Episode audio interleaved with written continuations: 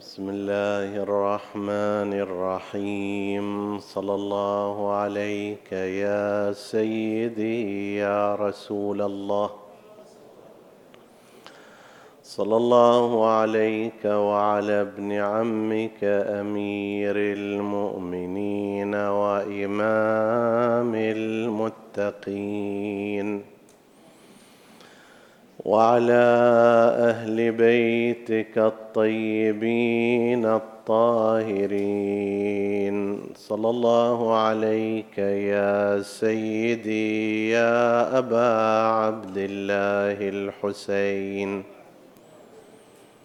ما خاب من تمسك بكم وأمن من لجأ إليكم. يا ليتنا كنا معكم فنفوز فوزا عظيما.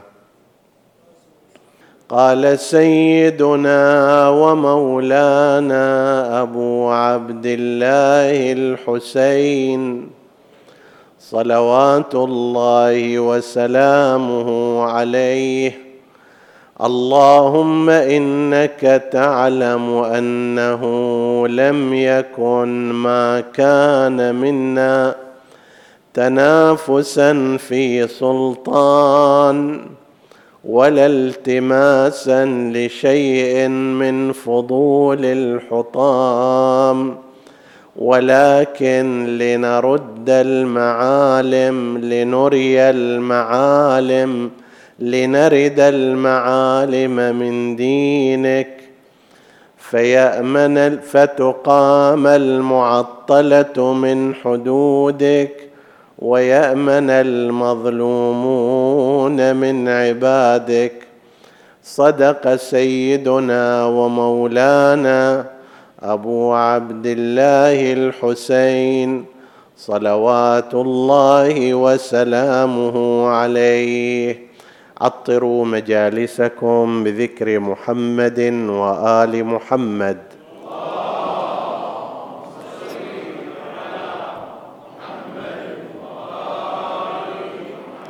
اللهم صل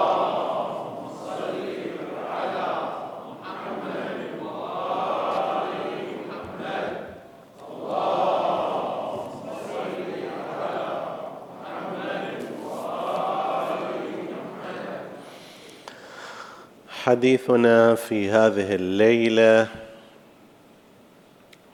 يتناول منطلقات النهضة الحسينية وما هو من التفسيرات الخاطئة والناقصة التي التزم بها بعض الكتاب والمؤلفين.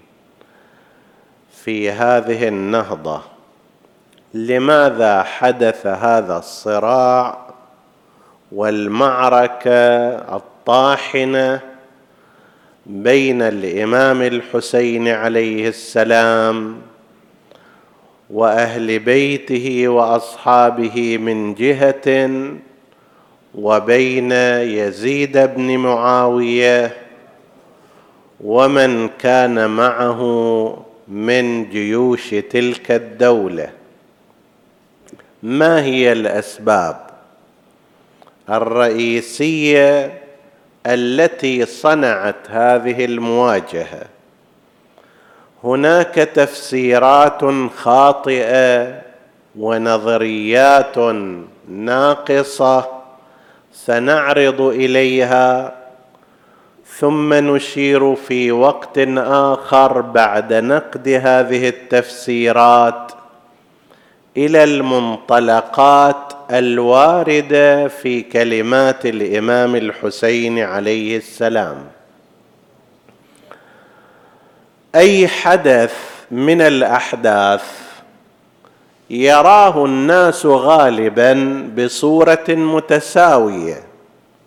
لكن تختلف تفسيراته بينهم. إذا أعطى إنسان مبلغا من المال هذا العطاء يراه الناس كحدث بصورة موحدة لكن يختلفون في تفسيره. البعض يرى أن هذا إسراف. ليش يعطي فيها المقدار هذا من المال في هذا الجانب؟ البعض يراه بخل. ليش يعطي هالمقدار المفروض يعطي ضعفين ثلاثة. هذا الاختلاف مو في الحدث وإنما الاختلاف هو في التفسير. فلكي نعرف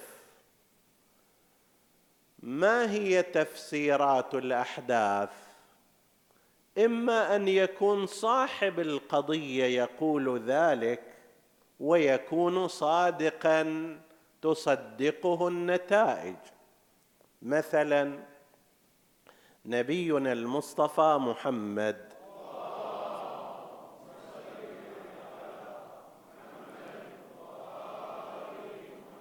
قال للناس بأمر القرآن الكريم لا أسألكم عليه اجرا إلا المودة في القربى أي لا أسألكم عليه اجرا. هو يقول ما أحتاج إلى أن تعطوني أجر ولا مكافأة إلا المودة في القربى وهذه أيضا مو إلي قل ما سألتكم.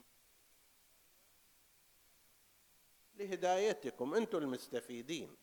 أنا ما يدخل في حسابي شيء. هذا قال هذا الكلام. نجي نشوف التاريخ هل يصدق هذا الكلام أو لا؟ نشوف أنه لم يسأل النبي احدا قرشا واحدا. ولم يط ولم يمن على الناس بأنه فعل لهم كذا وكذا. فنصدق هذا الكلام من عنده. بالنسبة إلى النهضة الحسينية فسرها قوم بتفسيرات وذكر الإمام الحسين عليه السلام كلمات من عنده. راح نشوف أنه هل تصدق الأحداث والنتائج كلمات الإمام الحسين عليه السلام؟ أو لا والحال أنها تصدق. لكن يبقى أن هناك فئة من الناس نظرت إلى هذه الواقعة العظيمة وفسرتها بتفاسير خاطئة بعضها إلى اليوم لا يزال يشكل ثقافة عند قسم من الناس. هنا نعرض إلى قسم منها من هذه التفسيرات لماذا حدثت المعركة والمواجهة بين الإمام الحسين عليه السلام وبين الخط الأموي؟ وأي تفسيرات خاطئة يسوقها بعض الناس لتفسير هذه الواقعة؟ أكو تفسير سبق أن أشرنا إليه وهو في ليال مضت وهي أنها عملية منافسة على الحكم وسيطرة على الكرسي بين شخصين. وهذه تعرضنا إليها وأشرنا إلى بعض القائلين بها. هناك تفسير آخر ناقص وغير سليم أن هذه المعركة وهذه الحادثة هي صراع قبلي بين فريقين من قبيلة. القبائل يصير فيها تنافس. قد يكونوا إخوة في الجد الأعلى بس بعدين يتنافسون فيما بينهم. هذا مثلا الأوس والخزرج أصلهم ينتمون إلى أب واحد ولكن فيما بعد على أثر ظروف معينة اشتبكوا فيما بينهم وتحاربوا سنوات طويلة جدا إلى أن جاء رسول الله صلى الله عليه وآله وأصلح ما بينهم.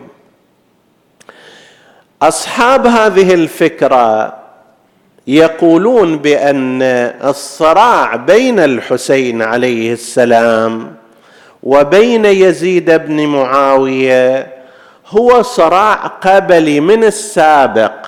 كل فترة من الفترات هذول قبيلة واحدة فكل فرع من هذه القبيلة عند معركة مع الفرع الآخر.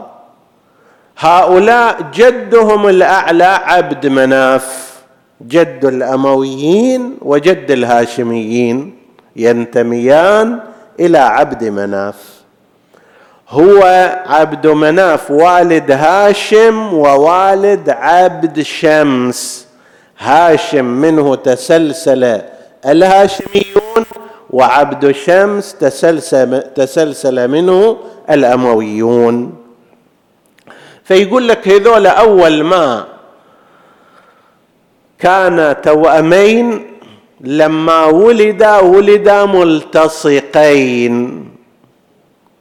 وكان لابد أن يزيلوهم ففصلوهم فسال بينهما الدم فتشاءم هؤلاء الناس بأن هؤلاء ستكون بينهم دماء وحروب وما شابه.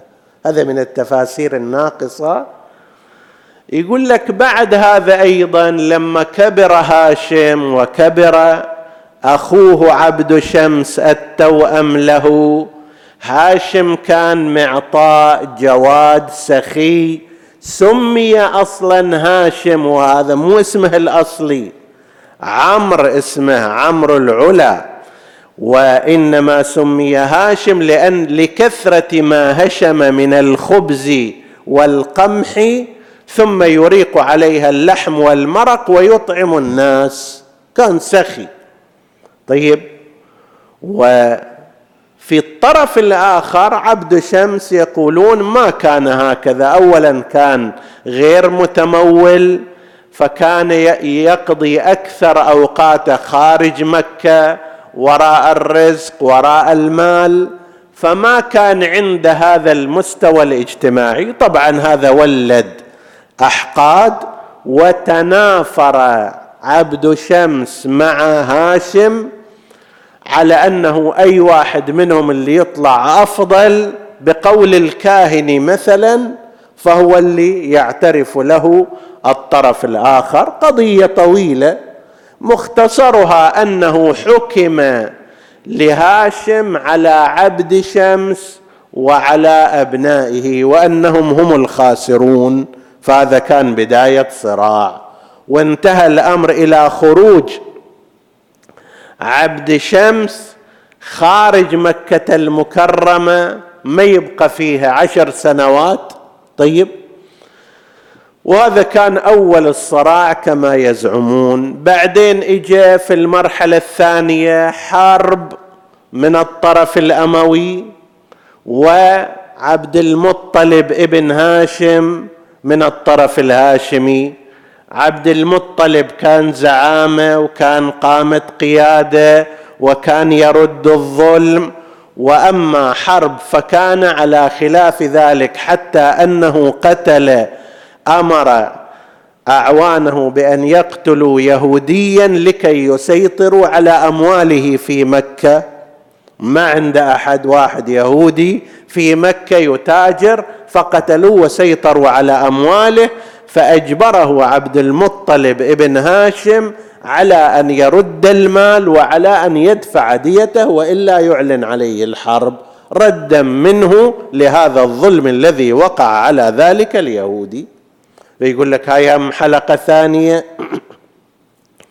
معركة بين هذين الفرعين اللي أصلهم أصل واحد ثم كان قضية أبو سفيان مع نبينا المصطفى محمد.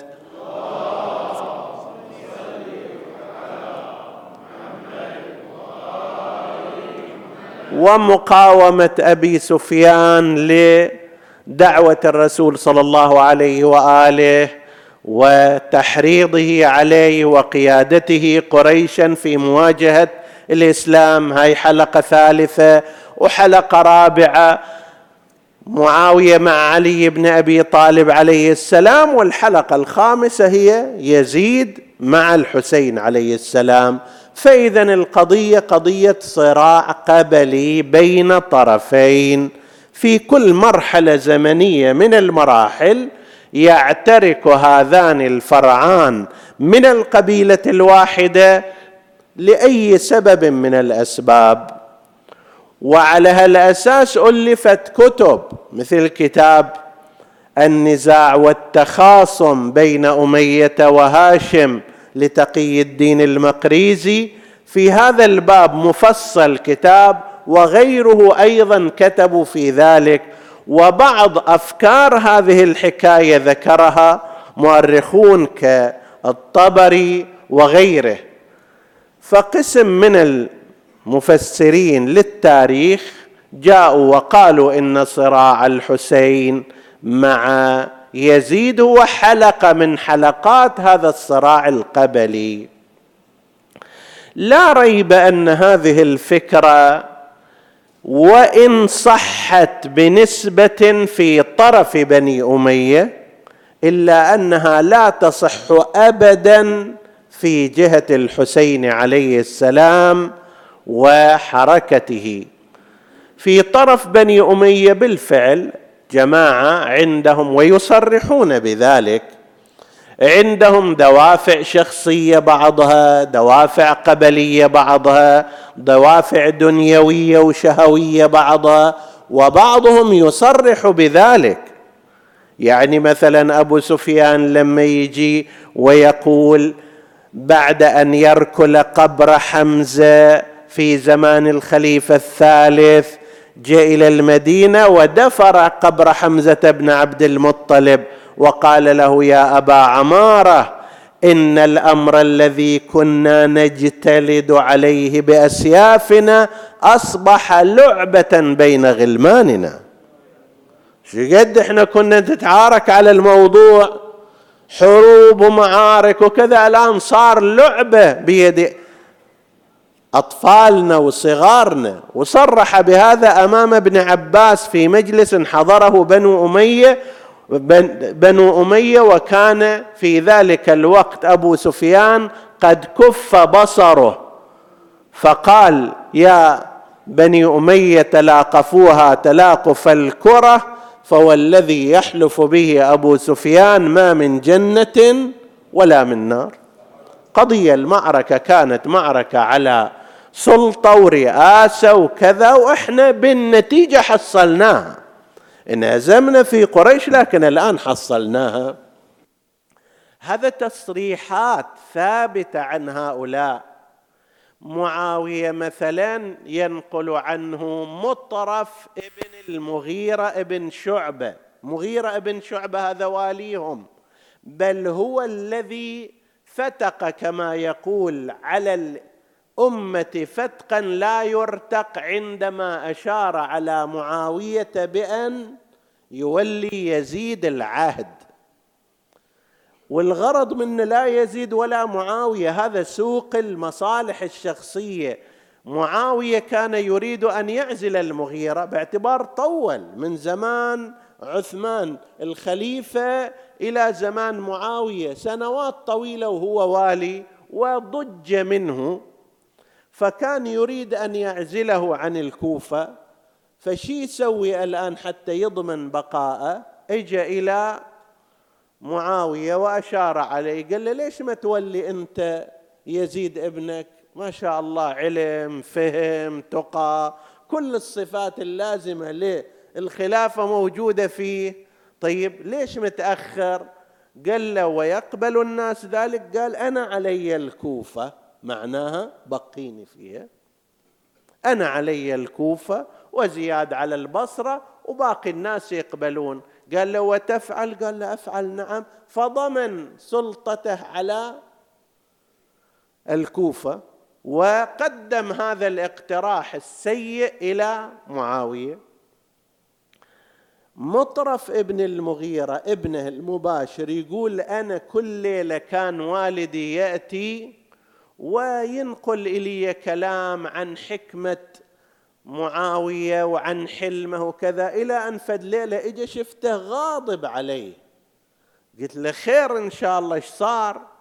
قال أنا رحت إلى معاوية وقلت له الآن بعد الأمور استقرت بيدك فلو نظرت إلى بني عمك بني هاشم هذول واجد حصلوا أذى.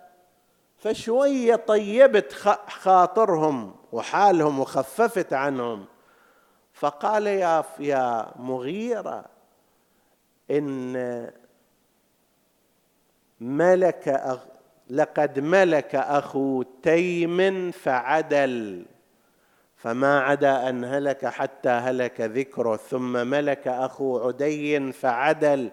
فما عدا أن هلك حتى هلك ذكره ثم ملك أخونا عثمان فعدل فما لبث أن هلك حتى هلك ذكره.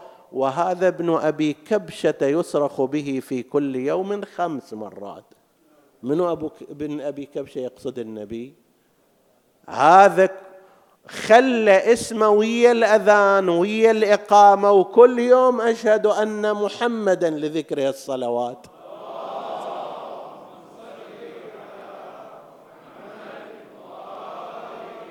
لا والله إلا دفنا دفنا. هذا من قبل الطرف الأموي واضح أن عندهم هذه القضية أن القضية قضية دني دنيوية وانتصار وقبيلتنا وهذه الأمور. أما أمور مثلا رسالية ومبدئية ودينية كلا. فإحنا ما نستبعد هذا الكلام الذي يقال من أنه صراع بين فرعين في قبيله في ذلك الطرف نعم تحركهم دوافع قبلية دوافع دنيوية دون هذا الجانب. لا نشك لحظة واحدة أن النبي صلى الله عليه وآله لم يكن يتحرك في مواجهة أبي سفيان مندفعا من دافع قبلي ولا عاطفي ولا شخصي وإنما من دافع مبدئي ديني وهكذا الحال بالنسبة للحسين عليه السلام. فهذا التفسير للنهضة الحسينية في وجه بني أمية تفسير ناقص غير صحيح خاطئ. إذا كان له صحة فهو من ذاك الطرف فقط. تفسير آخر أن لا القضية قضية شخصية بين يزيد وبين الحسين أكو أحقاد شخصية. يصير إنسان ويا إنسان يتعارك وياه لأن بينهما أحقادا شخصية. فيقول لك أن بين الحسين وبين يزيد صار ما ينشئ هذا والغريب أنه حتى كاتب كبير مثل عباس محمود العقاد وهو كاتب فخم من الكتاب المسلمين إلا أنه يذكر في كتابه هذا الأمر مع أنه لا أصل تاريخي له ولا يمكن تفسيره بهذا التفسير. ما هي القضية؟ يقولون أنه بين يزيد وبين معاوية كانت وبين الحسين كانت معركة لأجل أن الحسين منع يزيدا من أن يتزوج أرينب بنت إسحاق. امرأة اسمها أرينب كانت فائقة الجمال كما يقولون. هذا نقله صاحب ابن قتيبة الدينوري صاحب كتاب الإمامة والسياسة وسنأتي بعد قليل عليه متوفى سنة 270 هجرية. يقول هذه المرأة كانت فائقة الجمال سمع بها يزيد تعلق قلبه بها بالسماع. شايف شلون؟ أنه هذه امرأة جميلة فاتنة كذا فعشقها عشقا ملك عليه حواسه واحد من غلمانه راح إلى أبيه معاوية وقال له هذا ترى يزيد راح يهلك من وراء هذا العشق والحب اللي يكنه لهذه المرأة. قال له هذه عمي امرأة متزوجة ذات باع قال ما أقدر أصبر عنها. ولا بد لي منها. منو زوجها؟ قالوا زوجها هذا اسمه عبد الله ابن سلام والي معاوية على العراق. قال زين بسيط إذا الأمر. نعمل الحيلة فيه. استقدم عبد الله بن سلام إلى الشام حسب هذه الرواية. سنناقشها بعد قليل. استقدم إلى الشام وقال له أنا رغبتي أن أزوجك إحدى بناتي فلانة معاوية يقول لعبد الله بن سلام وبالتالي بعد انت تصير جزء من العائلة المالكة والأسرة الحاكمة طيب وإحنا عندنا رغبة فيك فهل أنت تقبل؟ قال بلى شو ما أقبل؟ بعد الحاكم نفسه يقول له تعال تزوج بنتي. قال أقبل؟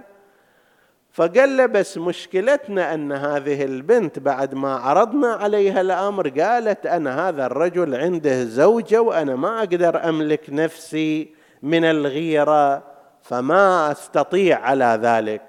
قال له قال له تكرم هي ويكرم أبوها حسب التعبير أنا أطلقها. فطلقها ثلاثا في المجلس زين وعندهم هذا يجوز. ما عنده مجال للرجعة بعد فيها فانتظر حتى قال له لازم ننتظر حتى هذه تخرج من عدتها.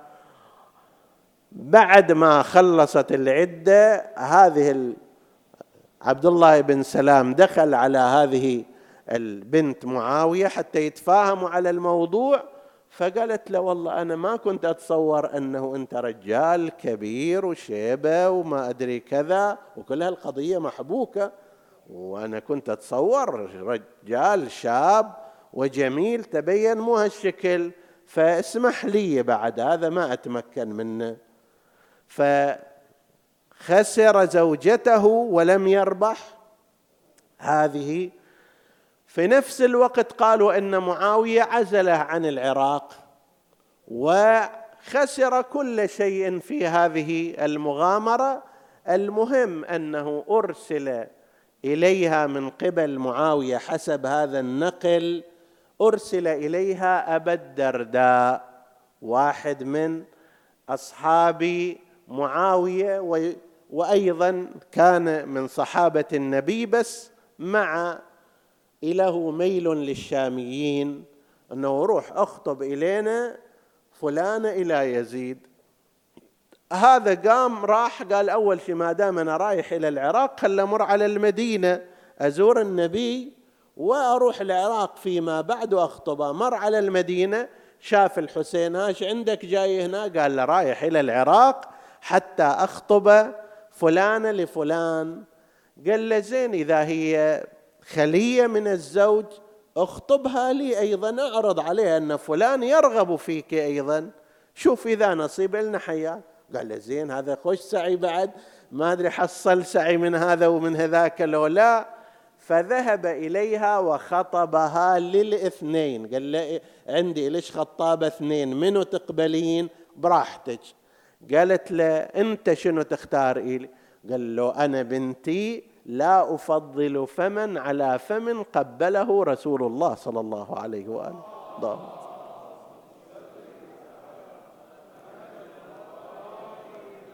فقالت له إذا الشكل خلص اذا أعقد إلي على الحسين. فعقد لها على الحسين. لما رجع إلى ذلك المكان إلى الشام هذا حسب التعبير الجهة الأموية إيش ما عندهم من شتم شتموه حسب التعبير إنه إحنا دزيناك حتى تجيبها إلنا رحت وديتها إلى واحد آخر طيب فغضب منه غضبا شديدا بس بعد انتهى الأمر. هذا عبد الله بن سلام يقولون افتقر بعدين وكان قد أمن زوجته وعب زوجته أرين بأموال قبل فراح إلها حتى يأخذها منها. فعرف أن القضية فيها خدعة صار وعلم الحسين عليه السلام بذلك فسرحها لكي يتزوجها زوجها من جديد. يقول لك هذا الأمر خلى يزيد يحقد على الحسين عليه السلام ويفكر في قتله. طبعا هذه الرواية ليست من الروايات المعتبرة من الناحية التاريخية. اولا نفس الكتاب هذا كتاب الامامه والسياسة. هناك كلام بين المحققين في صحة انتسابه لابن قتيبة الدينوري. ابن قتيبة مؤرخ من المؤرخين المعروفين وله أيضا مقتل للحسين عليه السلام. لكن هذا الكتاب الإمامة والسياسة أكو شكوك حول انتسابه إليه. هذا واحد. الثاني يذكرون أنه هذه القصة لم تذكر في أي مصدر قبل ابن قتيبة. فوين كان عنها المؤرخون؟ ولم تذكر أيضا في التواريخ المعتبرة القوية المعروف نسبتها إلى أصحابه مثل الطبري ومثل المسعودي وما شابه ذلك. وثالثا أنه لا يعرف أن هناك واليا لمعاوية اسمه عبد الله ابن سلام. فمجموع هذه الأمور تشكك في هذه الرواية فضلا عن أن تكون سببا من أسباب الصراع بين الإمام الحسين عليه السلام وبين الأمويين. نحن لا نستبعد أن يكون يزيد بهذا المستوى وأسوأ من ذلك في أنه إذا شاف امرأة مت امرأة جميلة أو كذا يحاول يسطو عليها حتى لو كانت زوجة لآخرين. أكو هالشكل هذا بعض الحكام عندهم هذا. طيب ولكن هذه الحادثة لا تتمتع بميزة قوية موثوقة. وإن كان نحن لا نستبعدها من مثل يزيد وأمثاله. هذول يعيشون لشهواتهم يعيشون للذاتهم لا يعيشون للآخرة يعيشون لهذه الدنيا وما فيها من مصالح. لكن أصل هذه القضية لا يمكن الوثوق بها وبناء عليه إذا أصل القضية غير ثابتة فكيف تصلح أن تكون سببا من أسباب صراع الحسين مع يزيد؟ هذا واحد.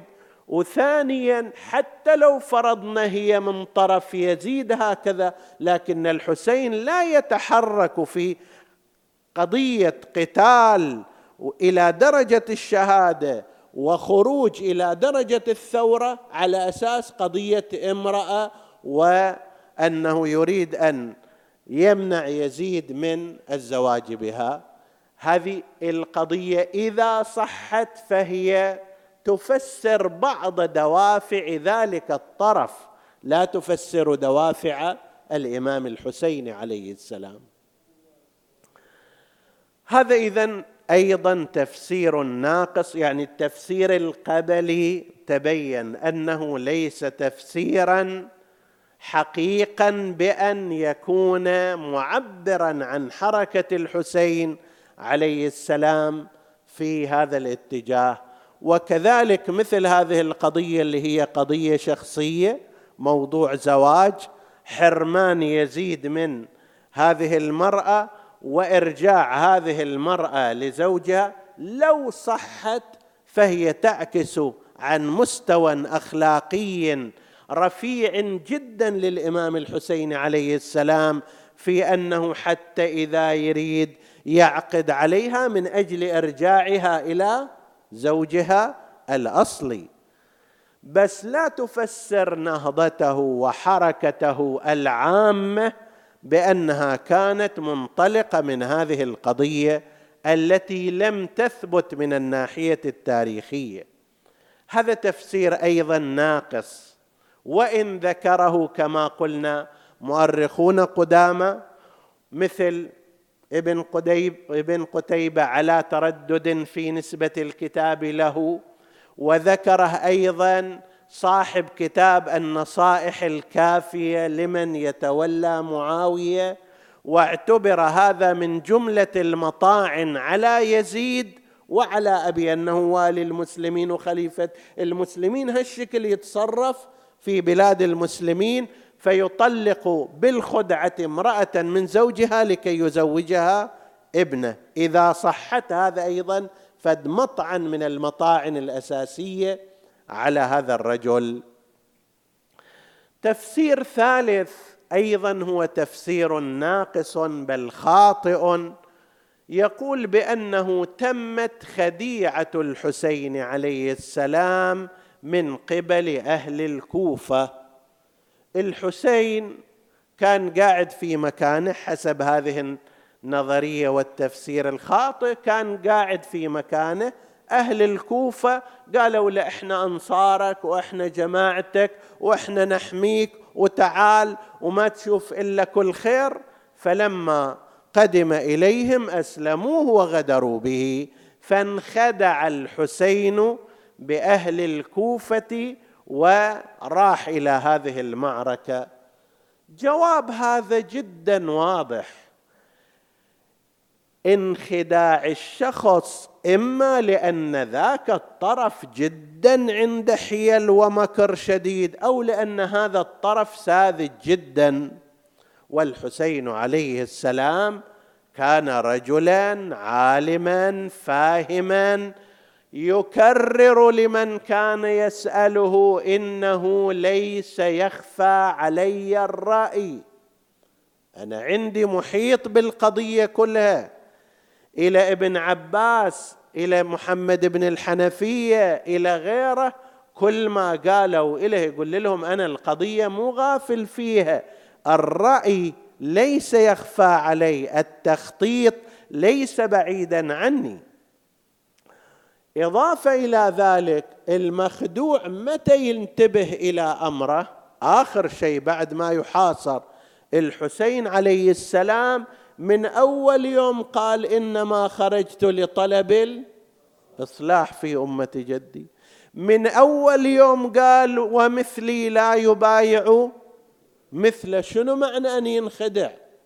من أول يوم قال من خروجه من مكة المكرمة قال وكأني بأوصالي تقطعها عسلان الفلوات بين النواويس وكربلاء فالقضية اذا قضية واضحة بينة. سيتبين لنا إن شاء الله إذا تحدثنا عن منطلقات الحركة الحسينية من خلال كلام الإمام عليه السلام أن الحسين يعلم بأنه يقتل ويستشهد في هذا الخروج مو هو يدري فقط سائر الناس الذين يعرفون حديث رسول الله كانوا يعلمون بذلك. هو كم سمع من أبيه ومن جده وسمع من أمه الزهراء وسمع من أم المؤمنين أم سلمة عند خروجه كل هذا كله يسمعه ولا يصدقه يروح يصدق بعض الأغمار ممن يرسل إليه ويكون غافلا ومخدوعا. الذي يقول هذا الكلام يهين من هو أدنى من أدنى أتباع الإمام عليه السلام. مو للإمام سلام الله عليه. أي واحد الآن يعرض عليه أمر يقلب يشوف القرائن على وين؟ هل هناك وفاء أو خيانة أو غير ذلك؟ إنسان عادي يقدر يتوصل إلى هذا بالتحليل السياسي والرؤية العادية. فكيف بالنسبة إلى الإمام الحسين عليه السلام وهو الذي يمتلك عقلا راجحا لو قيس به كل من كان في ذلك اليوم إلى جانبه لرجح به الحسين سلام الله عليه. فإذا هذه لا يمكن أن تكون سليمة ولا صحيحة وإنما كما قال الحسين عليه السلام اللهم إنك تعلم أنه لم يكن ما كان منا أو الذي كان منا تنافسا في سلطان ولا التماسا لشيء من فضول الحطام ولكن لنري في رواية. لنري المعالم من دينك. يعني كأنما المعالم معالم الدين اختفت فإحنا نري الناس معالم الدين هذه.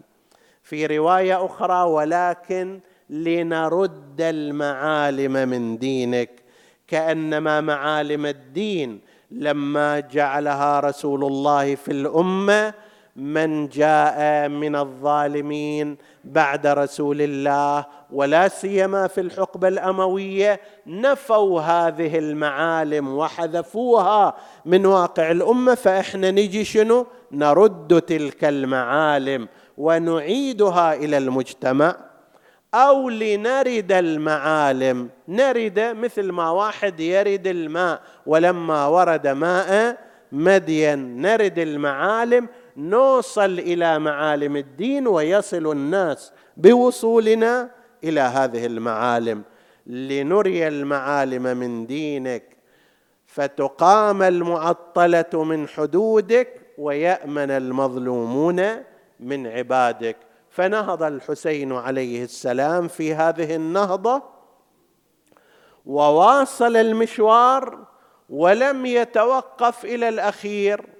حتى بعد أن استشهد مسلم بن عقيل سلام الله عليه ووصل إليه الخبر وهو في الطريق واصل مشواره صلوات الله وسلامه عليه وظل يتواصل مع شيعته من أهل الكوفة ويرسل إليهم حتى يلتقوه في كربلاء على موعد مع الشهادة. وكان من أولئك الذين أرسل إليهم الحسين. سلام الله عليه. حبيب بن مظاهر الأسدي سلام الله عليه. حبيب بن مظاهر من خلص أصحاب أمير المؤمنين عليه السلام. من شرطة الخميس. شرطة الخميس الخميس يعني الجيش. الذين شرطوا لعلي عليه السلام أن يأتمروا بأوامره وأن لا يفروا بين يديه وأن ينفذوا كل ما يحول إليهم من أوامر وقضايا. واختصه الإمام أمير المؤمنين عليه السلام ببعض الاختصاصات منها أنه علمه علم المنايا والبلايا علم المستقبل وما يجري وما يحدث. وقد نقل عنه أنه أخبر ميثمن التمار بمقتله في الكوفة. قبل أن يستشهد حبيب بن مظاهر التقى به ميثم فأخبر كل منهم الآخر عن مقتله وما سيحصل عليه ويجري وهذا من إنباءات أمير المؤمنين عليه السلام. ولما اجى مسلم ابن عقيل كان موقعه موقع مركزي ومهم حبيب بن مظاهر في حركة مسلم. لكن لما جاء ابن زياد اختفى مسل... اختفى حبيب بن مظاهر في قبيلته بني أسد لكي لا يتعرض إلى القتل ولا يستطيع اللحاق بالحسين. مسلم جاي كرسول للحسين ليس هو الأصل. فلازم إذا خذل أهل الكوفة مسلما ليضيع منه من حبيب الغرض الأصلي وهو نصرة الحسين عليه السلام. فاختفى في قبيلته بني أسد حتى إذا خف الطلب قليلا تسلل من طريق البساتين. الطرق الرئيسية عادة محاصرة ولكن طرق البساتين عادة لا يمكن حصارها فيقدر الإنسان يتخفى فيها ويستطيع النفاذ. وهذا ما صنعه حبيب بن مظاهر كما نقل بعد أن وصلت إليه رسالة الحسين سلام الله عليه كما ذكرها بعض المؤلفين من أن الحسين أرسل إليه إلى الفقيه حبيب بن مظاهر الأسدي. أما بعد فقد وصلنا كربلاء فلا تقصر في نصرتنا. جاء ذلك الرسول سلم الرسالة إلى حبيب بن مظاهر أخذها قرأها قبلها وضعها على عينيه وأشار إليه أن يرحل أن يختفي هذا وأنه مجيب دعوة الحسين عليه السلام. وأخفى ذلك عن زوجته هذه المرأة المؤمنة فسألته ما الخبر؟ قال لها رسالة من الحسين يدعونا إلى نصرته. فقالت وما أنت صانع؟ فقال لها أخشى عليك من الثكل والترمل وعلى أولادنا من اليتم. فقالت له هذه المرأة بما تجيب به أنت أيها المؤمن وكل مؤمن بالحسين. قالت له يا حبيب يدعوك ابن بنت رسول الله لنصرته. وتقول أخشى عليك من الترمل دعنا نأكل التراب واذهب إلى نصرة ابن بنت رسول الله صلى الله عليه وآله. لا تتأخر عن هذا أمه فاطمة الزهراء. صلوات الله وسلامه عليها وجده رسول الله فاستكتمها الخبر وانطلق إلى كربلاء على فرسه يردف غلامه. لما وصل إلى قرب كربلاء وكأنه كان على موعد مع ذلك الوصول غبر ثارت. وإذا تحت الغبر حبيب ابن مظاهر وصل إلى الحسين عليه السلام وتسلم رايته. وما حلا ذيك الشمايل يوم وصل كربلاء؟ قام أبو فاضل إلى بولاد أخوه يستقبل مرحبا يقل الشهيد وزين. وصل مستبشر لأبوه.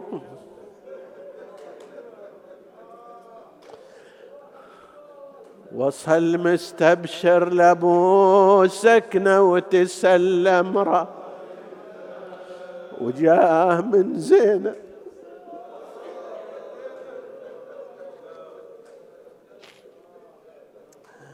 هذول يستحقون البكاء حبيب وامثاله لكن اللي أكثر يستحق البكاء هو الذي سيصبح غريبا وحيدا بعدهم.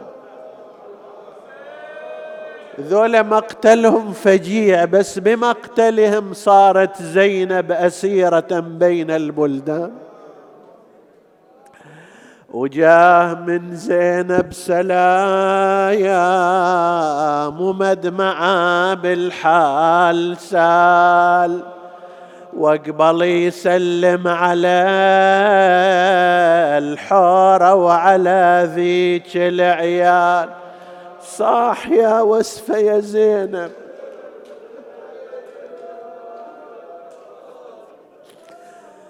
هو ما يتأسف لأجل زوجته التي خلفها في الكوفة لكن يتأسف على زينب.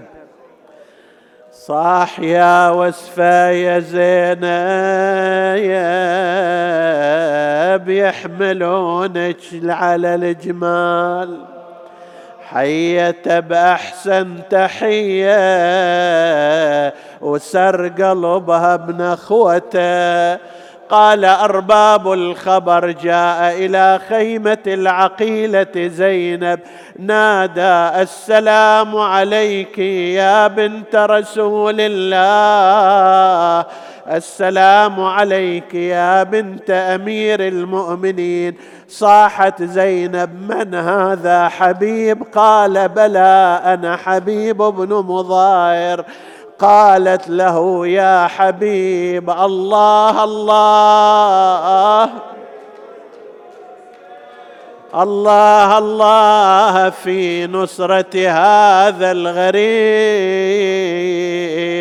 قال لأنعمنك عينا لولا انتظار أمره لعاجلتهم ولقد صدق في مقالته.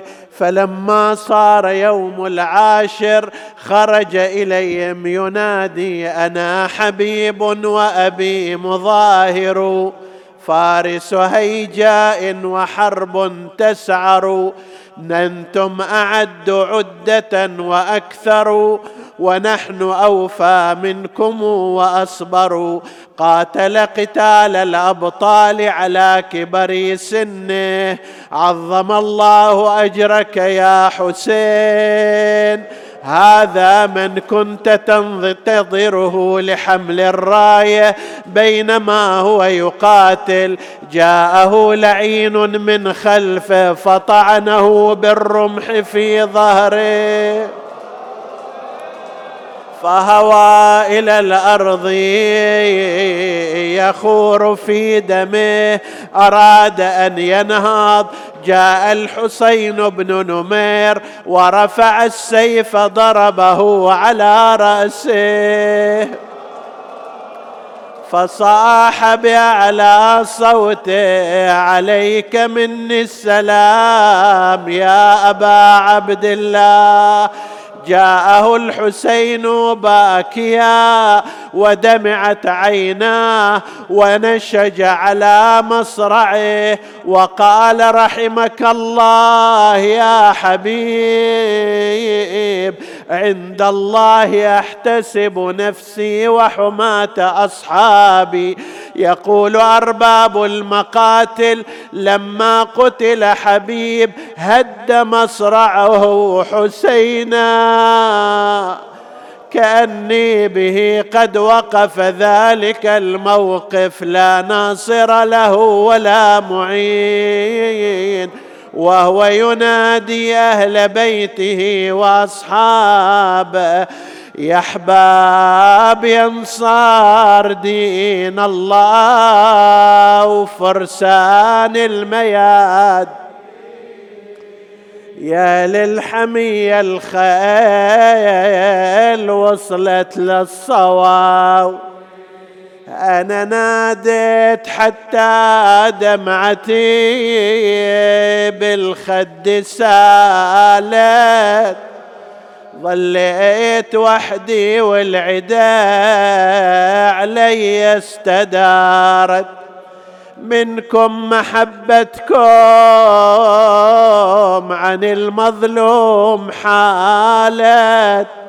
لا يا الأحبة اللي حجبكم غايل البين ويا احباب ما من ذاب عن مهجة الزهرة. الأجساد قامت تطريب من على الغبرة. صاح وفدالك ننذبح سبعين. صاح وفدالك ننذبح سبعين مرة. آمر علينا للحريب نقوم يا حسين بالأمس كانوا معي واليوم قد رحلوا وخلفوني بأرض الطف حيرانه نسألك اللهم وندعوك باسمك العظيم الأعظم الاعز الأجل الأكرم يا الله. اغفر لنا ذنوبنا كفر عنا سيئاتنا آمنا في أوطاننا. لا تسلط علينا من لا يخافك ولا يرحمنا. ولا تفرق بيننا وبين محمد وآله طرفة عين. احفظ اللهم إخواني الحاضرين فردا فردا واقض حوائجهم. اشف اللهم مرضاهم. المرضى المنظورين. من أوصينا بالدعاء لهم. اللهم اشفهم بشفائك. داوهم بدوائك. عافهم من بلائك. وتقبل اللهم عمل المؤسسين بأحسن القبول إلى أرواح موتاهم وموتى السامعين. نهدي ثواب الفاتحة تسبقها الصلوات.